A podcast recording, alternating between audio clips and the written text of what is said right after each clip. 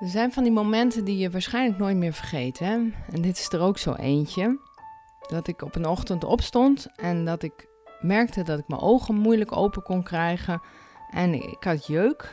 En toen ik voor de spiegel stond, schrok ik van mijn gezicht. Het was gezwollen, het was uh, rood. Ik trok in elk geval de conclusie: oh, dit is echt niet goed. Het gaat toch echt niet goed met mij. En het opmerkelijke was dat juist die gedachte, die conclusie, ja, die maakte heel veel los. En ik ben een beetje, uh, een beetje paniekerig van alles gaan inzetten. En uiteindelijk, als ik zo terugkijk, kan ik pas zien hoe heftig het was als je een verkeerde conclusie trekt, een verkeerde diagnose als het ware, en dat je daarnaar leeft en wat dat dan met je doet. Maar voordat ik verder ga, beste mensen, dat je denkt, huh, waar gaan we naartoe? Je luistert naar deze podcast waarin ik in elk geval heel openhartig praat over mijn leven op dit moment. Mijn gezondheid, mijn denkfouten, de keuzes die ik maakte, waardoor ik relatief snel weer op mijn pootjes terecht kwam. Ben jij ook iemand die veel verantwoordelijkheden heeft en die gedreven is en graag stappen zet in persoonlijke ontwikkeling of als professional? En uh, ja, dus iemand die hoge eisen stelt aan zichzelf en aan het leven, maar ook als je ook iemand bent die wel wel eens uit de bocht lijkt te vliegen, dan, eh, die zich dan uitgeput voelt en nou ja, dat gevoel dat je pas op vakantie een beetje tot rust kunt komen. Maar als je dan vakantie hebt, dan, dan ben je regelmatig ziek of moet je helemaal wennen. Dat lukt dan nog niet. En nou ja, een beetje van die Renje-Rot uh, show mensen. en dan moet je zeker uh, luisteren. En ook als je een vaste luisteraar bent van deze podcast, ik praat je even bij. Het is een uh, Mariska's mijmering. Die hebben we al lang niet meer gehoord, hè? Mariska's, Mariska's mijmering. mijmering. mijmering waarin ik dus een keertje geen gast heb, maar eventjes echt goed met je bijpraat. Hoe gaat het nu met mij? Ik krijg heel veel vragen, ook vragen als um, hoe gaat het met je vader? Want daar ging het niet goed mee. Hoe gaat het uh, met je gedichtenbundel? Daar heb je ook iets over gezegd. Waar blijft die nou eigenlijk? Ik ga twee gedichten delen. Um, en aan het einde heb ik ook allerlei tips voor je. Als jij nou echt denkt ja, ik heb heel vaak toch dat gehaaste gevoel. En, en ik vind het zo moeilijk om in balans te blijven. En, en ook eens uit te gaan in plaats van altijd aan, gaan, aanstaan. En als ik dan uitga, dan, dan plof ik op de bank en dan kijk ik een Netflix-serie of ik val in slaap. En dat is niet echt uitgaan, zeg maar. Dat is, ik bedoel, daarmee dus tot rust komen. Echt goed tot rust komen en je batterij opladen. Uh, en hoe doe je dat nou als je toch te veel op je bordje ligt. Ben je hier nieuw in deze podcast, dan wil ik je welkom heten. Wat ontzettend leuk dat je er bent. Mijn naam is Mariska Bos en ik ben jouw host vandaag. En in deze podcast uh, praat ik vaak met gasten, experts, uh, bijvoorbeeld schrijvers over onderwerpen zoals het brein of mindsets, gezondheid, lifehacks. Uh, denk aan succesformules, leren mindfulness en natuurlijk het onderwijs. Want deze podcast heet niet voor niets Inspire to Teach. De meeste luisteraars zijn bevlogen leerkrachten en hardwerkende hulpverleners, maar ook vaak creatieve ondernemers. En ja, ik ben het eigenlijk alle drie zelf. Een bevlogen leerkracht, een hulpverlener en uh, ja, ik onderneem. En ik doe, ik, wat ik dus doe, ik, ik geef trainingen en lezingen voor het onderwijs. En daarvoor rijd ik lekker het hele land door. Uh, meestal zijn de, de spreekbeurten die ik houd over mindsets. Hoe komt het nou dat sommige kinderen wel kunnen leren, maar ergens zit er een belemmering in dat leren, iets wat ze tegenhoudt. Dat is een manier van denken over zichzelf of over, over de leerstof en hoe kun je dat beïnvloeden als leerkracht. Ik heb het over perfectionisme, over stress bij jongeren. Uh, maar ook uh, hoe blijf je nou uh, een beetje stevig staan als docent. We hebben allemaal zoveel werkdruk. En hoe, hoe kun je dat een beetje handelen dat je ook thuis nog een beetje energie over hebt. Daarnaast ben ik holistisch ex-therapeut. Dus ik hou me vooral bezig met angst en stress. denk aan ook hierin aan valangst, perfectionisme, stressklachten bij jongeren. En ook vaak docenten weten mij te vinden. Ik ben oprichter van de Mindfit School, de leukste mentale sportschool voor een flexibele mind en een fijn leven. Voor leerkrachten, onderwijzers die eigenlijk wel zeggen: ik ben wel toe aan een beetje rust in mijn hoofd, lijf en leven, maar hoe pak ik dat aan? Ik ga even terug, hè, want ik ben net een beetje dramatisch begonnen. En dat was wel een moment waarop ik dacht: uh, wacht even, de balans schiet de verkeerde kant op. Dat is nog niet zo heel lang geleden. Uh, en wat ik toen heb gedaan, ik denk dat het inspirerend voor je is. Maar ik wil het verhaal even oppakken vanaf april 2023. Dat was het moment uh, dat uh, wij wisten: het is helemaal mis met mijn vader. Nou, hij was duidelijk ziek. Uh, had allerlei onderzoeken gehad in het ziekenhuis. En ja, ik had in april 2023 een workshop gegeven op een school. En ik stond op het punt om naar huis te gaan. Ik stond bij zo'n kruispunt en ik dacht, ik kan rechts naar huis rijden, maar ik kan ook links even naar mijn ouders gaan. Dus ergens trok links aan me. Uh, ik maakte me wel zorgen. De uitslag van het ziekenhuis was binnen. Ik wilde niet bellen. Nou, mijn zus zat er ook en mijn broer had ook een slecht voorgevoel en die was dus ook onderweg, bleek later. En toen ik binnenkwam bij mijn ouders, kwam al vrij snel het bericht: het is niet goed meer is, het is alvleesklierkanker. En we weten allemaal, eh, tenminste wij in de familie, wat dit betekent eh, binnen onze familie en ook hè, mijn schoonmoeder bijvoorbeeld is eraan gestorven. En we hebben vanaf dat moment zoveel mooie momenten gehad. We spraken over de dood en het leven, maar we hebben ook echt ja, elkaar goed vastgepakt. En uh, ja, dat was echt, uh, dan, dan breekt je hartje, zeg maar. Nou, ik heb dingen gedaan zoals het levensverhaal van mijn vader vastgelegd in goede gesprekken. Dus dat is echt tip van de dag. Als jou, een van je ouders, ja, dat het niet goed gaat, stel allemaal vragen. Uh, vertel eens uh, uitgebreid bijvoorbeeld. Hé, hey, pa, vertel eens hoe jij en mama elkaar nou leerden kennen. Hoe is dat gegaan? En vertel eens iets over je jeugdvrienden. en wat deed je nou eigenlijk allemaal graag toen je jong was? En hoe zag jouw jongenskamer eruit? En dat heb ik ook opgenomen. ik kreeg een tip om je, de stem van je ouders op te nemen. En dat hebben we natuurlijk wel veel meer nu met video's, maar als je hem zo even opneemt met een mooi gesprek, ja, dan is dat echt prachtig. Ik heb dat wel even stiekem gedaan, moet ik zeggen, want dan hou je het toch natuurlijker. Met een vriendin van mij sprak ik nog over het idee dat ik ooit met mijn vader een prentenboek wilde maken over angst. En daar waren we ooit eens mee begonnen. En toen zei ze: Oh, dat moet je nu echt afmaken, anders krijg je er spijt van. En ook dat, hè, zo'n opmerking wat je dan krijgt, dat kan ook iets met je doen. Hè? En toen dacht ik ook van ja, maar willen wij dit nog wel? Weet je wel, dat was toen een goed idee. Dus ook dat heb ik bespreekbaar gemaakt met mijn vader. Van wat wil je eigenlijk daarin? En toen had hij zoiets van ja, daar heb ik eigenlijk helemaal geen zin in om de laatste maanden van mijn leven daarmee bezig te houden. Dan is het ook gewoon heel makkelijk loslaten. Hè? Dan was dat gewoon een idee. En niet alle ideeën hoef je altijd maar uit te voeren. Uh, dus uh, ja, het gaf wat druk toen iemand zei, dus zei: Je krijgt zoveel spijt als je het niet doet. Wat ik wil zeggen hiermee is: soms zeggen mensen goed bedoeld hele lieve dingen. Maar soms is het zoals een vriendin uh, zegt: Je moet je bullshit-radar echt aanzetten. Hè, dus voelen van. Geldt dit ook echt voor mij? Of is het een opmerking wat meer over haar zegt, zeg maar? De Bullshit Radar is een boek die uh, Joyce van Ombergen heeft geschreven. Dat is een boek voor uh, young adults. Zij heeft een serie van drie geschreven. Is trouwens ook erg leuk als je ja, met jongeren werkt om dat boek uh, ja, als boekentip te geven. Ik zou de boeken trouwens in de omschrijving van deze podcast zetten. En het zijn eigenlijk heel eenvoudige, leuke, mooie verhalen die je heel snel leest. Maar er zitten levenslessen in. Hè? Hoe ga je nou om met piekeren en moeilijke gedachten en dat soort dingen. Dus de bullshit radar. En die had ik aan en toen dacht ik, ja, krijg ik er spijt van? Nee, ik denk het niet. Wij, gaan, wij, kijken gewoon wat wij willen doen. En de rest nog van de tijd die er is. En dat is dus blijkbaar geen prentenboek uh, schrijven samen. Dat was ooit eens een leuk plan. Maar ja, gaan we dus niet doen. Nou, er is een moment uh, geweest waarop mijn vader heel erg slecht ging. En dat is ook weer een heel lang verhaal, helemaal niet belangrijk voor nu. Maar uh, ja, er is een operatie geweest. Hij is er uh, weer bovenop gekrabbeld. En eigenlijk was het wel jammer dat wij dus door, door die ziekte niet onze reis gingen maken. Waar wij al een paar jaar mee bezig waren. Twee weken voor, gesprek, voor vertrek uh, kregen we dus het nieuws te horen dat hij ziek was. En ja, wij wilden gewoon echt niet weg. We hadden zoiets van, nou, laat maar.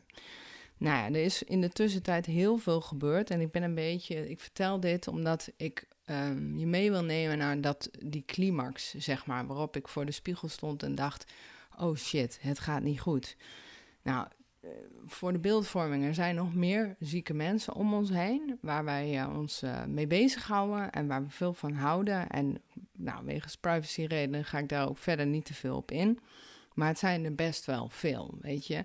Ik vind één zieke papa al best pittig. Maar als er meerdere mensen in je, ja, die zo dierbaar zijn, ziek zijn, dan, dan dat houdt je wel bezig. En toen uh, heeft mijn man ook nog een kitesurfen ongeluk gehad, waar ik later nog iets over vertel. Want daar is, was ook een vraag, wat is er nou eigenlijk gebeurd? Dat ga ik nog één keer vertellen hier in de podcast. Maar dat betekende ook dat hij zeker vier weken helemaal niks kon doen, alleen zijn pootje omhoog. Nou, en dan kom je er dus achter dat je als je 16 jaar samen bent, best wel een geoliede machine bent. Hè? En in één keer moet je dingen allemaal alleen doen. Een beetje dat gevoel van het houdt niet op, hè? En toen merkte ik wel dat mijn creativiteit wat minder ging stromen. Uh, en ik begon een beetje vlekjes te krijgen in mijn gezicht. Dus ik begon me een klein beetje zorgen te maken over mezelf. Van hé, hey, wat doet mijn lichaam nou? Ik was bezig met het schrijven van een grote opdracht, een oude avond met als thema stress bij jongeren in een theater, 220 stoelen. Nou, daar krijg ik mooi voor betaald, dus dan wil je echt, echt ook wel iets bijzonders bieden. Maar ik kreeg het verhaal niet rond. En de ene ochtend werd ik wakker met, oh, voel me wel goed. En de andere ochtend werd ik wakker alsof er een vrachtwagen over me heen was gereden. Zo'n gevoel van, ik ben helemaal niet uitgerust. Ik had nog wel eens wat nachtmerries. Um, hè, met, die vaak over de dood gingen. En kortom, ik dacht, ik moet echt, echt heel goed voor mezelf zorgen omdat het eh, anders gaat het misschien wel mis. Hè? Ik hou me altijd bezig met burn-out. Het zou toch niet zo zijn dat ik als burn-out coach zo zelf in een burn-out terechtkom, toch? Oh mijn god, practice what you preach. Nou, dat is niet echt een heel fijne gedachte. Ehm, maar toch wel een gevoel van, ehm, ja, straks val ik door de mand, hè. Een imposter syndroom ken je misschien wel. Nou, daar had ik wel een beetje last van. Nou, en toen dacht ik, ik ga gewoon lekker vrijdag naar de sauna. En ik weet wel dat de sauna best wel pittig is voor het lijf. Maar ik dacht, ach, dat, dat lukt wel. Want volgens mij heb ik, nee, het gaat toch wel goed met mij. En die zaterdag vierden we bij mijn ouders hun trouwdag. Nou, dat is ook wel beladen, daar kun je je wel iets bij voorstellen. En uh, ik had samen met mijn man en mijn zus tussendoor nog een geweldige videoclip gemaakt. En uh, nou, oh, eh, voordat ik het vergeet, ik had dus ook die, die theatervoorstelling, dat moet ik even afmaken. Die had ik gezegd, weet je, ik voel me niet altijd even scherp. Het voelt niet goed om hem te geven. Ik krijg het verhaal niet mooi rond. Ik kan eigenlijk geen kwaliteit garanderen. En toen hebben we besloten om hem een paar maanden te verschuiven. Ik dacht, ik ga goed voor mezelf zorgen. Ik ga ruimte maken. Ik ga wat minder werken. Ik neem geen nieuwe cliënten aan. Ik ben lekker bezig. Nou, wel een videoclipje gemaakt natuurlijk. Dat hoort erbij. Ik heb, eh, dat betekent dat dan mijn familie ontzettend lacht. Je moet eens weten wat voor videoclips wij maken. Nou, en bij de trouwdag van mijn ouders aten wij India Indiaas. Het was vrij pittig en de volgende dag werd ik wakker met zo'n gezicht. Dus helemaal opgeblazen, enorme jeuk. Het voelde rood, branderig en ik dacht, oh shit, dit is niet oké. Dus ik bel naar de huisartsenpost en na een videobelgesprek was het al vrij snel de diagnose netelroos. En toen dacht ik, wat is dat eigenlijk? Dat is toch iets voor oude mensen? nou, uh, ik uh, opzoeken. Uh, is vooral allergische reactie, dat zei de arts ook. Dus antihistamine slikken, vette crème op je gezicht smeren. En toen vroeg ik zelf aan de arts: hé, hey, maar heeft dit ook met stress te maken? Want kijk, je lichaam geeft toch ook heel vaak iets duidelijk aan dat iets niet oké is. En toen vroeg ze, ja, wat speelt er in je leven? Nou, en toen ik de hele opsomming maakte, die ik dus hier niet allemaal in detail ga bespreken, maar geloof me, het is best wat. In combinatie met mijn ambitieuze aard, mijn eindeloze enthousiasme, zei ze, hmm, je hebt misschien wel heel erg veel stress. Jij moet oppassen. En ik dacht, ja, maar ik ben toch best wel goed bezig. Ik dacht dat ik het emotioneel wel een beetje aankon. Ik drink al maanden geen alcohol, ik pieker niet, ik heb wel nachtmerries, maar ik praat erover. Ik, ik uit mezelf, ik dans, ik schrijf gedichtjes, ik lig urenlang in bad, ik wandel in de natuur. Ja, en wat ga je dan doen? Ga je het nog beter aanpakken. Ik ging nog meer slapen. Ik sprak s'avonds niet meer af met, uh, met mensen. Ik ging nog minder werken. Ik ging eigenlijk nog iets meer in de, in de mantelzorg. Hè. Mijn man die, uh, die kon niks meer. Dus uh, en dan trok die netelroos die trok weg. Maar het bleef eigenlijk elke keer terugkomen. En ik dacht, wat doe ik verkeerd elke keer? Doe, wat eet ik eigenlijk wat niet goed is? Want op internet stond dat het iets met voeding te maken had. En ik zat te denken, ik heb iets met gember gedaan. Misschien kan ik niet tegen gember. En weet je wel, dat je er niet, zelf niet uitkomt. En dat je zelf denkt, hoe moet ik dit aanpakken? Herken je dat?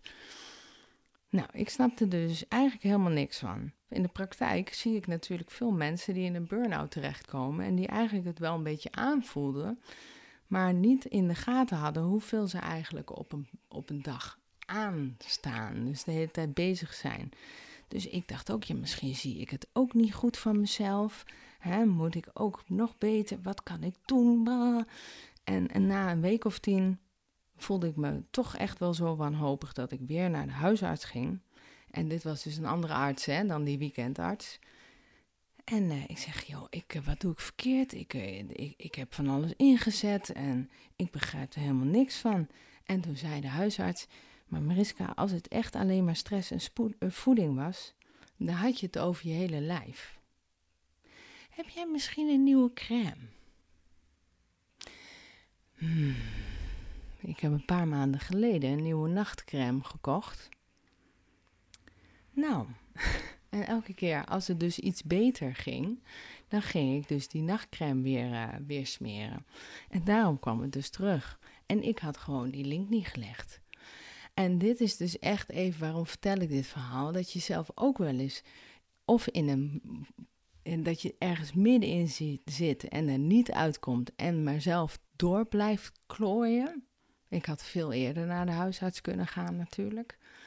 Dus vraag misschien wat eerder hulp. Je hoeft het niet allemaal alleen te doen.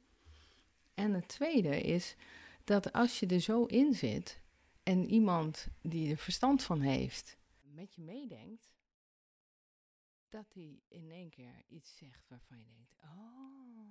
En dat zie ik vaak in mijn praktijk. Hè? Dan zie je door de boom het bos niet meer. Je, je hebt de achtergrondkennis niet. Ik heb iets gegoogeld op uh, internet en met die informatie ging ik denken en doen. Maar door deze aanwijzing kon ik dus weer verder. En al die tijd zat ik dus heel erg op. Misschien eis ik te veel van mezelf, misschien voel ik het allemaal niet goed. En ik begon zelfs te twijfelen aan mijn zelfkennis. Ja, want hoe goed ken je jezelf, hè? Maar goed, ik ben dus ontzettend blij dat ik advies heb gevraagd aan mijn huisarts. Ik ben sowieso heel erg blij met mijn huisarts. En uh, ja, je hoeft het dus niet echt niet alleen te doen. Dat is eigenlijk moraal, moraal van dit verhaal. Uh, dus nou ben je en bijgepraat voor de mensen die elke keer vragen hoe is het met je. En, en mensen die toch iets hebben meegekregen, dat je nu een beetje weet hoe het zit. Maar probeer ook eh, in deze verhalen vooral ook je eigen levenslessen eruit te trekken. Nou, even hoe gaat het op dit moment dan met mijn vader? Want die vraag krijg ik ook uh, veel. Nou, het is echt heel raar. Hij heeft dus uh, in, ergens in uh, mei of zo hebben we echt het gevoel gehad van oh shit, we raken die man kwijt. En eigenlijk sindsdien gaat het steeds beter en beter. Hij is ook met de chemo begonnen, maar door na omstandigheden gaat hij eigenlijk heel erg goed. En um, ja, hij voelt zich een paar dagen wat slapjes door die chemo. Dan krabbelt hij weer op. De tumor krimpt, de tumormarkers die zakken als een malle. Dus ja, beter wordt hij niet. Maar hij gaat wel een, tijdje langer mee dan wij van tevoren hadden gedacht. Dus dat is echt ontzettend goed nieuws. Uh, men noemt dat wel eens uh, bonustijd. Hè? En uh, ja, dus zo, ik, ik, begrijp nu echt heel goed waarom mensen dat zo noemen. Zo voelt dat ook. Van ik, je hebt gewoon een bonus iets extra's gekregen. Nou, we genieten zoveel mogelijk van de tijd samen. En ik, ik, ik heb dus het schrijven van gedichtjes weer opgepakt. En uh, daar heb ik wel heel veel lol in. Ik werd midden in de nacht wakker. En uh, toen kwam dit gedichtje tot mij. En het gaat over de tijd dat als mijn vader er niet meer is, hoe dat zou zijn. Nou, weet dat um, mijn ouders een uilenkast in, uh, in hun tuin. En daar zitten jonge uiltjes vaak in. En daar wordt mijn vader altijd heel blij van als de uiltjes er zijn. Dan snap je wat het uh, betekent met de uil in het gedicht. Nou, daar komt hij. Zonder hem. Als het stiller wordt, zijn stem niet meer hier, de lege stoel, het koude bed. Als de rouw als sneeuwvlokken neerdaalt, de kou verstikkend. Wanneer huilen de pijn niet meer verzacht, de scherpte van de rauwe randen. Hoe voelen de nachten als de uil schreeuwt en haar hart breekt? Ze plakt de scherven aan elkaar. De lijm laat gouden lijntjes achter. Ze is zo sterk, ze draagt haar pijn. Ja, en zo uit ik mezelf dan maar. En uh, probeer ik er toch iets moois van te maken of zo. Ik weet niet wat het is.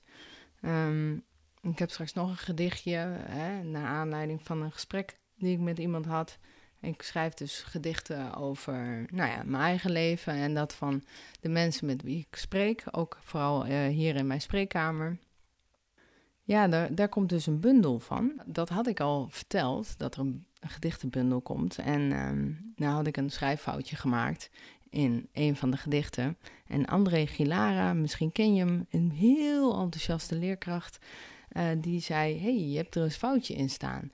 Vind je het fijn als ik jouw gedichten eens nakijk? Want als je ze zelf hebt geschreven, dan kijk je vaak over je eigen fouten heen. Nou, dat vond ik echt ontzettend lief van hem. En ook de manier waarop hij mij verbeterde, vond ik heel prettig. Dat hij aanbood om feedback te geven. Zonder, hey, je bent wel leerkracht, dus uh, uh, je moet geen fouten maken. Wat is dat nou? Um, ik weet dat André foto's, uh, foto's maakt. En ik zei tegen hem, ja, wat ik eigenlijk wil is ook foto's en daar de gedicht erop geplakt, als het ware. En toen kwam André met een postertje, dat had hij gemaakt. En hij zei zoiets. En ik vond het hartstikke mooi. Ik zei, ja, dat is precies wat ik wil. En toen hebben we eigenlijk afgesproken... André zorgt voor de opmaak, hè, de foto's, passend bij de gedichten. En, dan uh, geven we het samen uit of zo. Of ik weet niet, het wordt een e-book. Ik heb echt geen idee hoe het, uh, hoe het gaat lopen. Um, maar goed, het slechte nieuws is dat André zelf ook alvleesklierkanker heeft en al een tijd. En ja, heel beperkte energie heeft. En zijn grote droom, de kanon van Hengelo, is hij aan het maken. Een methode, ja, dat doet hij nog eventjes hè, erbij. geeft daar ook trainingen in, terwijl hij ziek is. En uh, ja, we moeten gewoon kijken of het allemaal gaat lukken. Dus iemand vroeg mij, hey, wanneer komt die bundel nou uit? Ja, dat weet ik dus niet. Dat ligt ook een beetje aan ja, zijn energie en of het überhaupt gaat lukken. Um, we hebben ook een podcast opgenomen over hoe het is om zo ziek te zijn, om eigenlijk een doodvonnis te krijgen terwijl je nog midden in het leven staat. Uh, André had een tomeloze energie en was echt, echt een vakidioot. En um, ja, ik vind het echt heel erg dat juist hij zo ziek is geworden. Die podcast die ik met André heb gemaakt, daar is iets misgegaan met het geluid. Dat, dat durf ik je niet eens nou, te laten horen. Dat is echt vreselijk, stenenkrommend. Er is iets misgegaan. Maar ik wil je wel alvast een voorproefje geven van wat er gebeurt als een André en een Mariska bij elkaar zitten. We hebben uh, eigenlijk, gingen we het geluid testen en toen ging dat nog goed. En daarna hebben we weer aangezet en toen ging het dus helemaal mis. Maar het voorproefje wat wij hebben geïmproviseerd, we hebben een intro gemaakt en ja, die uh, vond ik wel heel erg passend. Dus dan misschien heb je dan zoiets van: oh, die podcast met die twee idioten, die wil ik dan echt wel heel graag uh, luisteren. als je dat soort dingen niet wil missen, mijn podcast of trainingen die ik geef of wat dan ook, schrijf je dan vooral in voor de inspiratiemail. Hè? Als je denkt, hoe, inspiratiemail? Ja, één keer in de twee weken of zo stuur ik een mail. Niet zoveel, je bent hartstikke druk. Dus um, ook in de show notes uh, staat uh, een link, maar doe het dan meteen even. Uh, dat is www.inspiretoteach.nl slash inspiratiemail. En dan, dan blijf je lekker op de hoogte. Hoef je nooit meer iets te missen. Nou, hier komt even een voorproefje van André en Mariska... die helemaal zin hebben om een podcast in op te nemen. Welkom, welkom. We doen even een test. 1, 2, 3. Het is zondag. Het is zondag.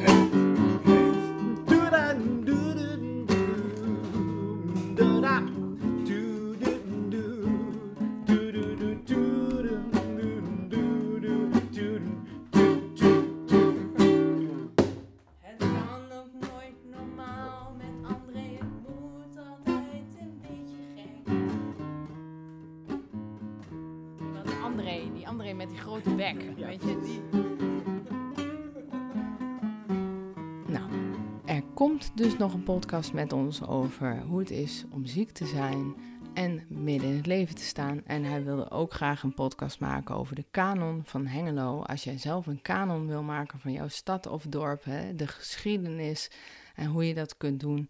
En eh, hoe je dat ook een beetje volgens de Montessoriaanse richtlijnen kunt opzetten. Dus dat komt nog.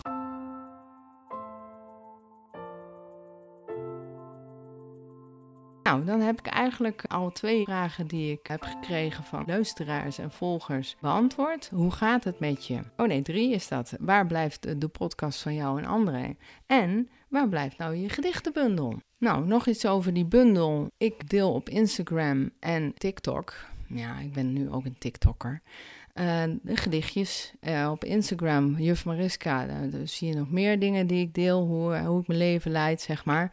Maar ja, ik heb dus ook onder druk van een jongere een TikTok-kanaal aangemaakt. Eindelijk, zei ze. maar ja, ik wilde er eigenlijk niet aan. Maar ja, goed. Ik hoorde dat er een community is van TikTokkers die samen lezen. Er is een hele boekenclub en... Nou ja, bij de boeklancering van Joyce van Ombergen, daar was ik een tafelgast. Hè, dat is de schrijfster van de Bullshit Detector, onder andere. Ja, daar kwam ik dus een, TikTok, een boektokker moet ik eigenlijk zeggen, kwam ik tegen. Nou, ik heb met haar gesproken en ik heb tegen haar gezegd, oké, is goed. Ik ga TikTok aan, uh, ga ik een account aanmaken. Uh, en toen zei ze ook nog een heel mooi zinnetje. Ze schreeuwde in de lucht zei ze tijdens het hele verhaal wat ze mij vertelde over haar leven. En in de trein heb ik een gedichtje voor haar geschreven. En toen dacht ik, misschien is dat wel leuk voor deze podcast, als we toch, toch over TikTok hebben, dat ik het nieuwste gedichtje met je deel. Het boekenmeisje. Ze zei zoveel die dag. Haar spraakwater bruiste over me heen. Het glinsterde in de lucht. Ik keek in verwondering. Wat een kracht, wat een moed, haar verslaving zo bij de horens te pakken. Ze zei dat ze diep zat, ooit in een ver verleden, te jong, met rouw en verlies verbonden. Ze kent de wanhoop van vermijding, het verdoven van de pijn, totdat ze zichzelf terugvond. Ze ademde diep en liep los. Ze schreeuwde naar de lucht. Weg met, met die klote verdoving. Maar de pijn mocht ze houden. Het herinnerde haar aan ooit. Ze mist haar moeder elke dag. Dus vult ze haar hart met boeken en vindt troost in verhalen, in de levens van anderen. Ze begon ook zelf weer te leven. Stapje voor stapje kon ook zij weer geven. Goed, dus als je zegt, oh wat leuk, ik wil die gedichtenbundel. Ik heb geen idee wanneer die uitkomt, maar ik wil hem, al, ik wil hem alvast bestellen. Dan stuur je mij gewoon een mailtje hoor. Hè? Of je, je zegt iets op, eh, op social media of zo.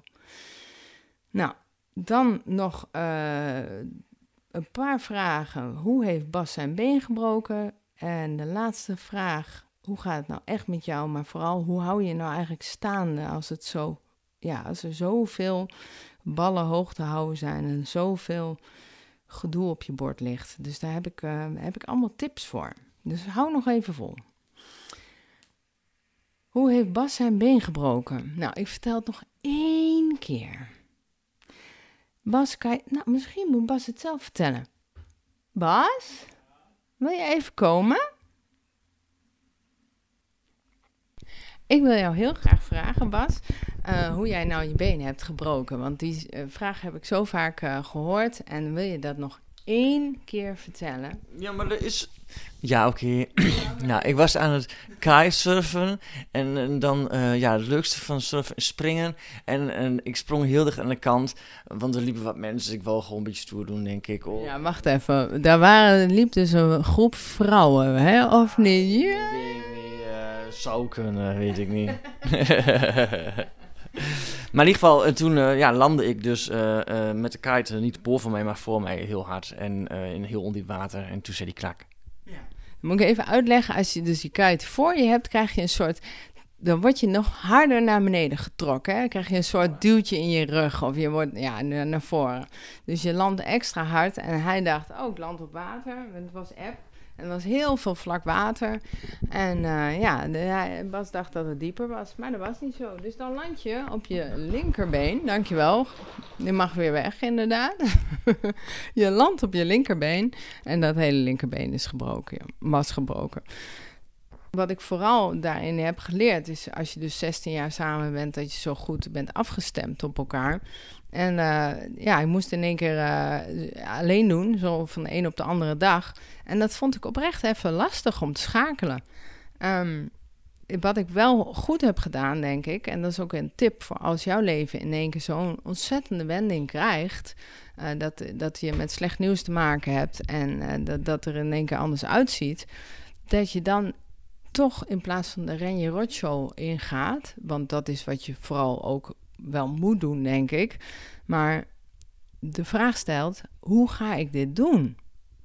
En ik heb de vraag gesteld, hoe ziet mijn leven er de komende weken uit? En ik ging uit van zes weken. En inderdaad, na zes weken kon hij heel klein beetje lopen. Dus je moet je voorstellen dat Bas eh, hinkelend eh, door, eh, met een kopje koffie door het huis ging. Met een koffiespoor achterlatend. Dus ik ook gezegd van nou, misschien moet ik gewoon koffie voor je pakken en zo. Maar hoe, hoe ga ik dat dan doen? Ehm, wat moet ik anders doen? En welk ritme moet ik aannemen? Ik moest er bijvoorbeeld vroeger uit. Ik ging een laatste rondje ook met de honden lopen, wat normaal gesproken Bas snel doet. Eh, wat ga ik vooral niet meer doen? Tijdelijk. Wat ga ik minder doen? Dat soort dingen. Dus ehm, dat was ook het moment eigenlijk dat ik dacht, ja, nu moet er gewoon echt die schoonmaakster komen. Dat was eigenlijk een droom. Mijn droom was dat ik iemand in huis had die, die het stomme schoonmaakwerk van mij over zou kunnen nemen.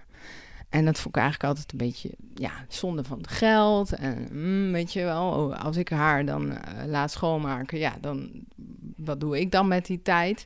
Nou goed, in elk geval, ik een berichtje op LinkedIn. Ik ben zo blij met social media, beste mensen. Dan kun je zo vaak hulp vragen en, en vragen stellen. Zoals, eh, eh, ik ben op zoek naar een goed vakantieland en aan deze eisen moet het voldoen, help. En je krijgt in één keer antwoord van allerlei mensen. Dat vind ik zo lief.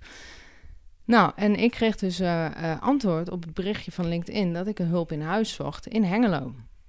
En deze vrouw maakt beter schoon dan ik. En nou ben ik geen poetskoningin, maar ik heb al mijn zestiende professioneel schoongemaakt, eh, twee jaar lang.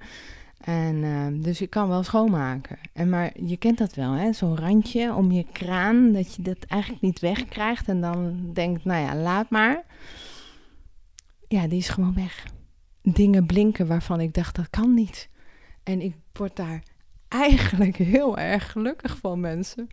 Dus eh, ik dacht, dit is even tijdelijk. Maar zij is aan het schoonmaken en ik kan eh, podcasts editen. Ik kan met allerlei andere dingen bezig die ik hier normaal gesproken, dat noem ik dan kantoordagen, dat ik dat doe. En dan hoef ik niet schoon te maken. En dat is echt zo ontzettend fijn. Nou, als je nou denkt, hé, hey, ik heb daar geen, geen geld voor. Wat, wat ik dus bijvoorbeeld doe, ik, ik laat mijn eigen hond uit. Maar ik laat ook vaak de hond van de buren uit.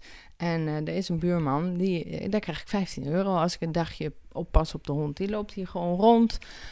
Is, of ik nou één of twee honden moet uitlaten, maakt allemaal niet uit. En van dat geld betaal ik dan weer de hulp in huis.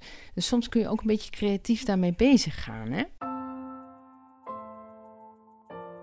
De vraag die ik ook krijg, ja, hoe is het nou met jou en hoe hou je je nou staande? Nou, ik vond het wel heel fijn om op te merken dat nu de netelroos weg is, omdat ik die nachtcreme niet meer gebruik, waar ik dus allergisch voor ben, um, voel ik dat, uh, dat ik meer in balans ben gekomen. En, uh, maar ik weet ook wel dat, dat ik een imbalans in mijn lijf heb. En ik dacht, wat is dat nou eigenlijk? Dus ik ben een uitgebreid bloed- en ontlastingonderzoek gaan doen. En dat is ook behoorlijke investering. En uh, daar kwamen eigenlijk kleine dingetjes uit, zoals een wat lage vitamine D en dat soort dingen. Maar ook een hele nare bacterie in mijn buik, die dus voor infecties zorgt. En um, die zijn we uh, aan het bestrijden met allerlei pillen. En uh, er kwam ook uit dat ik niet zo lekker ga op, zuivel en gluten. Nou, zuivel wist ik wel. Gluten dacht ik, nee, ik ben toch niet zo'n muts die gluten vrij wil eten. Gadverdarrie. Maar goed, ik hoor dus ook bij de club. En um, ik moet zeggen dat ik uh, sinds ik dat niet meer eet, niet meer zo'n bol buikje heb. Uh, ik vond het een beetje, beetje, moeilijk om te schakelen naar echt wel anders eten, geen gluten. En, uh, maar ik eet gezonder dan ooit. En eigenlijk heb ik daar heel veel lol in. Om dat toch wel een beetje uit te zoeken wat kan wel. En er kan een heleboel wel. En uh, ja, ik ben allemaal nieuwe gerechtjes aan het uitproberen. Nieuwe gezonde snacks en zo. energieballetjes van dadels. En ik ben helemaal fan van bananenpannenkoeken en dat soort dingen. Nou, in de Mindfit School hebben we daarom ook in december het, het, thema van vieren zijn we naar het thema voeding gegaan. Eerder zei, deed ik altijd vieren. Ja, dan kijk je even terug en uh, allerlei leuke oefeningen kun je daarbij meedoen om terug te blikken op het jaar en te vieren wat je allemaal hebt bereikt en zo. Heel belangrijk. Maar ik vond het een beetje uitgemolken thema en dus ik ben naar voeding gegaan.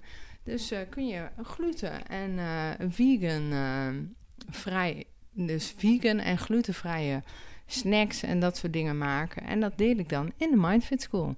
Dus uh, ja, de thema's waar ik vaak mee, uh, mee uh, struggle of waar ik tegenaan loop... of wat ik veel zie bij mijn cliënten of wat ik heb geleerd... dat pleur ik allemaal in de Mindfit School. Dus allerlei... de Mindfit Schoolers groeien dus ook met mij mee. Dat vind ik echt heel leuk.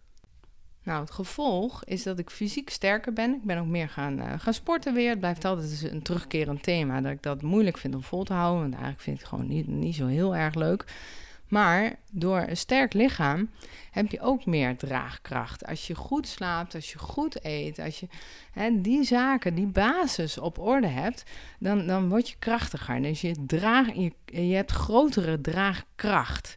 Maar ook als je mentaal, als je neiging hebt om te piekeren, om dingen moe moeilijke moeite hebt om dingen los te laten, om toch een beetje je innerlijke controlfreak, uh, hè, dat je die uh, sterk hebt ontwikkeld.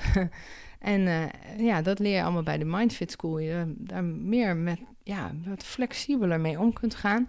Als je dat allemaal goed kan, dan heb je dus een grote draagkracht. En als je draaglast, hè, de problemen in je leven, de uitdagingen, slecht nieuws, ziekte, als dat uh, verhoogt, ja, die draaglast, dan kun je dat aan.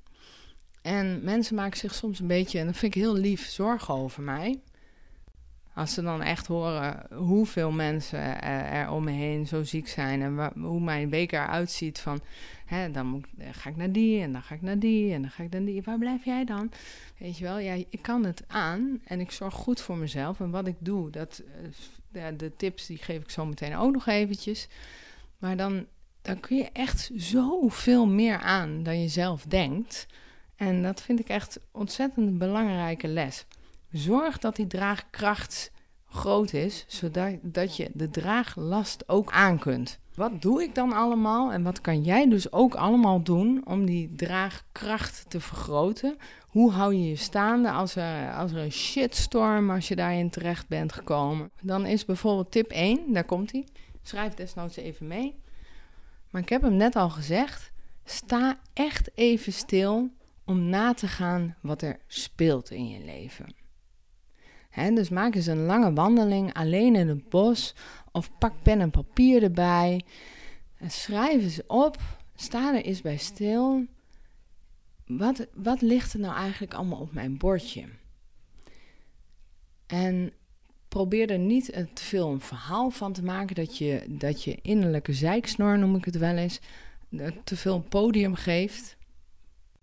Want die verhalenmaker, die kan het nog wel eens erger maken. Maar voor mij helpt het om bijvoorbeeld even te zitten en met mijn handen op mijn, borst. Ik vind het eigenlijk, bij mijn innerlijke zeiksnor vindt het ontzettend zweverig. Maar goed, ik heb het maar een beetje omarmd dat ik eh, regelmatig best wel een zwe- zweefteef ben. En dat ik, dat ik voel van, jeetje. Hè, bijvoorbeeld, pa is, is echt wel heel ziek en die ga ik binnenkort verliezen. En dat dan voelen in je lijf. En sommige mensen kunnen dat niet, hè? Die zijn uh, hoofd op pootjes. Die kunnen alleen maar denken van... Oh nee, dat is heel erg. Hoe ga ik dat nou doen met mijn moeder? En kan ik wel leven zonder mijn vader? En dat, hè? Ja, dan, dan ga je een beetje de... Ja, niet zo aardig om te zeggen, maar een beetje de drama in. En je kunt erbij stilstaan van... Jeetje, wat een liefde voel ik voor mijn vader. En wat een pijn is dat eigenlijk dat we nu ook al in de rouw zitten. En dat we sessies hebben gehad, huilsessies met elkaar.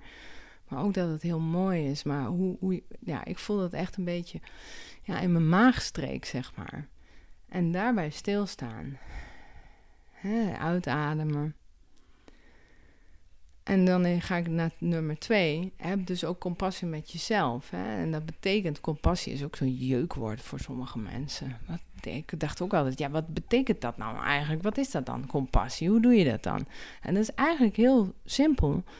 Het betekent dat je vriendelijk mag zijn naar jezelf. Dus als je een beetje zo'n huilie-huilie dag hebt, straf jezelf dan niet af omdat je je zo voelt. Ik wil helemaal niet zo voelen en ik vind het niet fijn. Maar praat tegen jezelf zoals je tegen een goede vriendin praat. Dus dat je tegen jezelf zegt, jeetje, maar meid. Dit is wat, hè? het is toch wat. Wat je allemaal op je bord hebt. Het, je hebt het niet makkelijk. En gun jezelf dus ook de tijd om dingen te verwerken. Ga niet in die automatische pilootstand dat je maar door blijft gaan. En vooral mensen die een beetje de neiging hebben om de controle eh, te willen pakken, alles onder controle willen en dat het allemaal goed moet en zo. Ehm, dat kun je in dit geval heel vaak helemaal niet zo doen. Dat, dat werkt voor gemeten. Dus stilstaan. Wat speelt er in mijn leven? Wees vriendelijk naar jezelf en, en stap heel even uit die automatische piloot. En bekijk dan je agenda, dat is tip 3. En maak werkelijk ruimte voor jezelf vooral. Want vaak maken we ruimte dan voor anderen. En dan moet er dit gebeuren en dat. En dan moeten we naar het ziekenhuis. En... Maar ga ruimte maken voor jezelf. En ga dan wat langer in bed liggen met je ogen dicht. En ga wat eerder naar bed. Zorg dat je een wekkertje zet. Dat je in een iets ander ritme terechtkomt. En dat je eerder afrondt. Eerder naar bed gaat en, en je lijf rust pakt. Of het liefst tussen de middag als het kan. Ga, ga dan even op bed liggen of op de bank. Horizontaal, ogen dicht, geen prikkels alsjeblieft. Even niet. Uh, ga minder op social media. Maar als je de neiging hebt om dan heel depressief in je bed te liggen, dan is het eigenlijk, ja, doe dat en kies ervoor. Maar als dat de depressie erger maakt, probeer er toch uit te stappen. Ik weet dat dat heel erg zwaar is. Het aftellen 5, 4, 3, 2, 1, 0 van Mel Robbins. Hè? Die heeft daar hele mooie boeken over geschreven. En, dat is een hele simpele methode.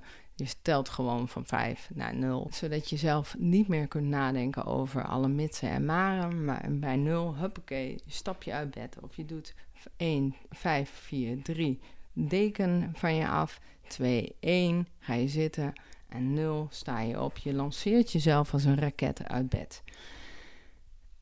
Nou, en dan bekijk je agenda, maak ruimte voor jezelf. Die tip, daar hoort dan ook bij dat je dan je bijvoorbeeld kijkt van waar, waar krijg ik nou energie van? En probeer daar ook ruimte voor te maken. Want voordat je het weet ben je alleen aan het mantelzorgen, aan het werken, aan het zorgen, zorgen, zorgen. Maar ben je geen moment alleen, maak je geen ruimte meer voor wandelingen of even lekker lezen. Soms dan gaat ook die hele verhouding een beetje, eh, dus wordt dan scheef. Hè? Er is zo'n mooie oefening vanuit de acceptance en commitment therapie. Het is eigenlijk heel simpel. Je maakt een lijstje van dingen waar je waar je je mee bezig bent eh, gedurende een week. Dus je werk, eh, studie, eh, vrije tijd. Hè? Eh, wat doe je dan? Schilderen, eh, lezen. Wat vind je leuk om te doen? Dat schrijf je op. En dan ga je om met vrienden, familie. Misschien heb je nog een verenigingsleven. Nou, natuurlijk ook beeldscherm.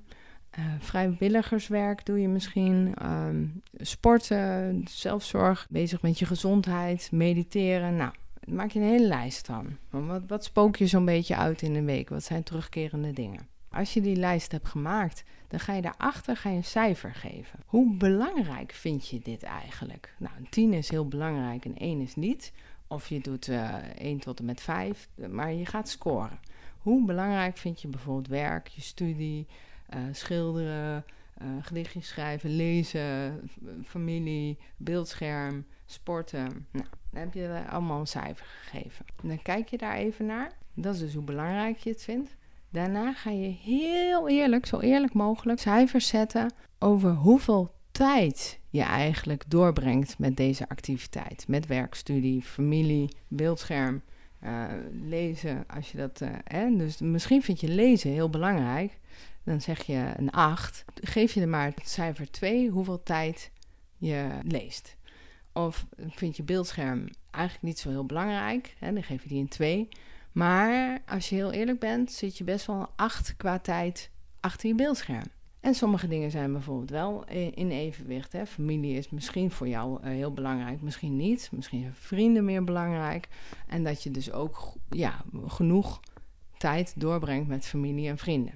Het is een heel confronterende, maar mooie oefening. En doe hem echt in die volgorde. Maak een hele lijst. Ga dan pas echt kijken hoe belangrijk vind je het. En ga dan pas zo eerlijk mogelijk scoren. Hoeveel tijd breng je daarmee door? En dan kun je denken: oeh, misschien moet ik wat minder eh, tijd besteden aan media, aan eh, beeldscherm. Wist je dat een gemiddeld persoon 4 tot 6 uur media aan het consumeren is? En denk dus aan tv kijken, Netflixen, social media, eh, nieuwsberichten, YouTube, podcast luisteren. Wat zou je nou eigenlijk, stel je voor dat jij ook zo'n persoon bent, dat je 3, 4, 5, 6, 7 uur misschien wel achter je beeldscherm zit en dingen doet. Buiten je werk, hè, bedoel ik dan. Als je werk moet doen, is gewoon werk, dat snap je wel, hè. Maar in je vrije tijd. En stel je nou voor dat je een uur per dag daarvan afsnoept. Wat zou je dan in dat uur willen of kunnen doen? Wat zou je kunnen leren bijvoorbeeld? Als je elke dag één uur vrij maakt, wat zou je dan doen? En er zijn heel veel mensen die dan zeggen: Oh, ik zou zo graag willen lezen. Maar dan eigenlijk te moe zijn om te lezen. En dat maakt ze zichzelf ook wijs. En de vraag is: is dat echt waar? Nou, wij hebben het muziek luisteren helemaal opgepakt. Dat, eh, ja, dat je gewoon een avond zonder beeldscherm muziek luisteren. Dan is dat misschien een beetje extreem om dat een hele avond te doen.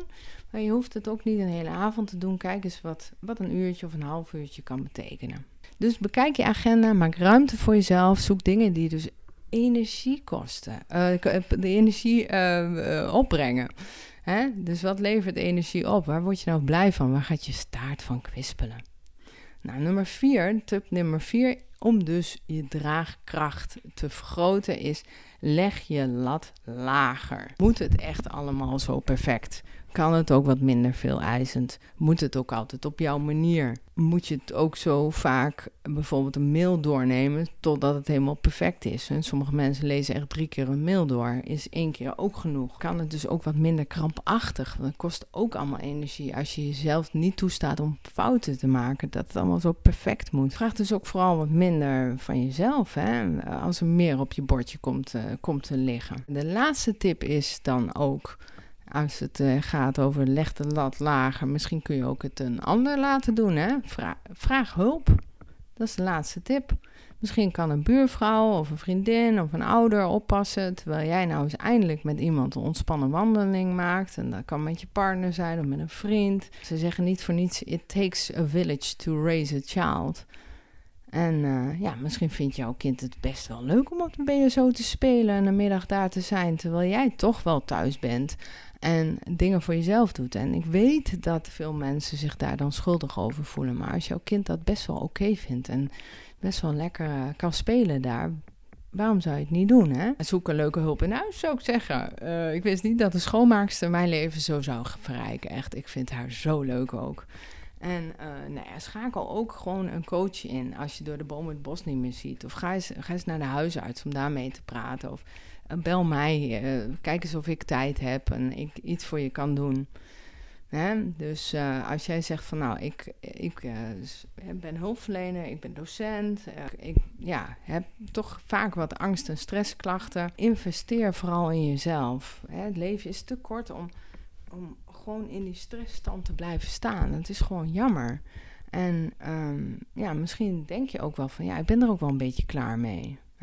Ik kom elke keer weer met die terugkerende patronen in mijn hoofd. Ik ben daar gewoon zo klaar mee. Dat gepieker en het niet kunnen loslaten. Of dat je een hectisch leven hebt. En maar tegelijkertijd ook hoge verwachtingen van jezelf. Het gevoel dat er altijd wat te doen is. Zo'n gehaast gevoel. En ja, hoe ga je er nou mee om?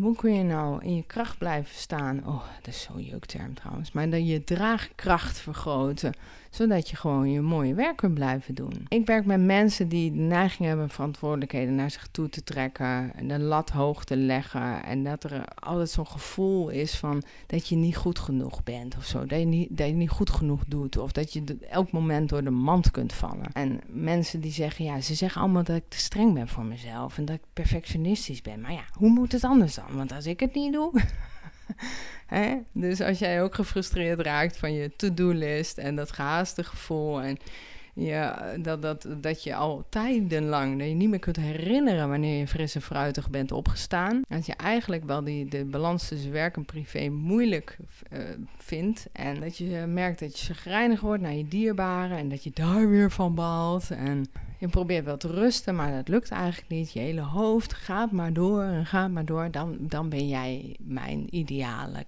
ja, mens om mee te werken. Want ik vind jou leuk. Ik vind het mooi om met deze mensen te werken. Want ze zijn bevlogen en ze willen wat bereiken. En ze doen zo stinkende best. Maar ze vergeten zichzelf. En stress is zo'n onderdeel geworden van een, het leven. Dat is ook zo'n patroon geworden. En hoe stap je daar nou uit? En dat is echt verdomde moeilijk hoor, mensen. Dus dan is het wel fijn als, als iemand die zegt: Oh, ik snap dit zo en ik ken dit en ik, ik ben ook deskundig. Ik weet hoe, wat, wat je kan helpen. Dat weet ik niet precies. Hè? Dan moeten we gewoon uit gaan zoeken. Dat is elk mens is een puzzel die we moeten leggen. Als jij nou zegt van nou, dit is echt, oh, dit zou echt heerlijk lijken. Neem dan vooral contact met me op, weet je. Ik heb allerlei gave dingen die ik doe. Soms een dag retraite. Maar als je mij belt, kunnen we even kijken wat het beste bij je past. Soms is dat individuele begeleiding. Soms zeg ik, joh, de deep dive training is nu op dit moment voor 2024 nog één plekje voor de deep dive training. En dan ga je echt een jaar met jezelf aan de slag. Zet je jezelf centraal een jaar lang in een klein groepje. Dan leer je ook van elkaar. Er zijn zes live zondagen en de rest van het jaar, nou, zie ik je in de Mindfit School online en ja, dat is echt, ik vind dat echt het mooiste programma wat ik bied. Maar ook de eendag retraites. Hè, de, de, ik heb een, uh, een retraite breek door je angst.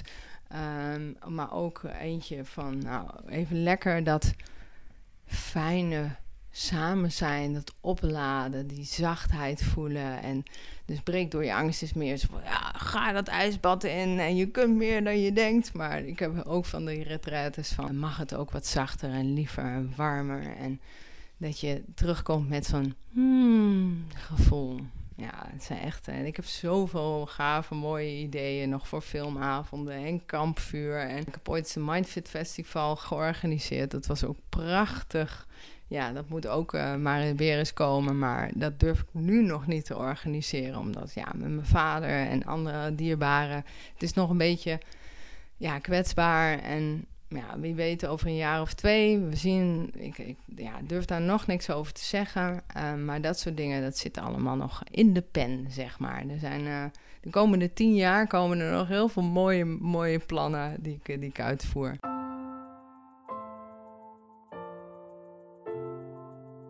Waar hebben we het nou eigenlijk over gehad? Je bent weer helemaal op de hoogte van hoe het met me gaat. Wat ik voor jou heel belangrijk vind, is dat we het hebben over draagkracht. Hè? Dus als je meer draagkracht wil en de draaglast vergroot, sta stil om na te gaan wat er allemaal speelt in je leven. Dat is tip 1. Tip 2 is: heb compassie met jezelf. Hè? Wees wat vriendelijker naar jezelf toe. Wees niet zo streng. Uh, makkelijker gezegd dan gedaan, dat snap ik ook.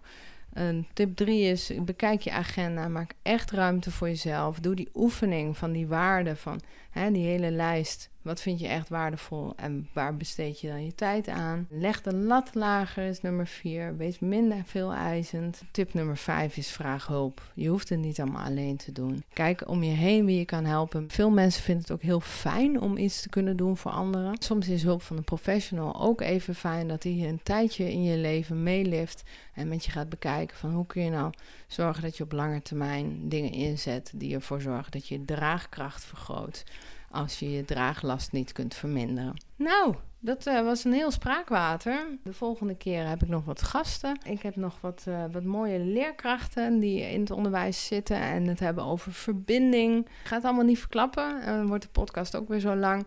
Uh, maar ik heb nog een paar mooie podcasts, uh, die ga ik editen. En uh, ja, ik, ik heb ook wat mooie namen uitstaan, gave boeken die ik heb gelezen. Waarvan ik denk, hey, de OR-methode, opbouwen van reserves als je, veel, als je veel vermoeidheid in je lijf hebt.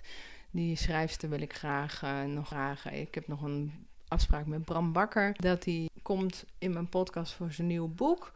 Uh, Paul Smit heeft ook weer een nieuw boek. Dus ik zou, ik, misschien krijg ik hem zo ver. Het gaat over het dopamine-effect. Die ga ik sowieso even vragen. En dan hebben we Mark Miras, uh, wetenschapsjournalist die heel veel weet over het brein. Uh, Xandra van Hoof komt nog. Nou, en ja, heel veel mooie mensen, mooie gesprekken die ik met je ga delen. Dus blijf vooral luisteren. Als je niks wil missen, schrijf je in voor de inspiratiemail. En denk even na of jij hulp van mij zou willen. Zou ik heel erg leuk vinden om samen met jou te werken.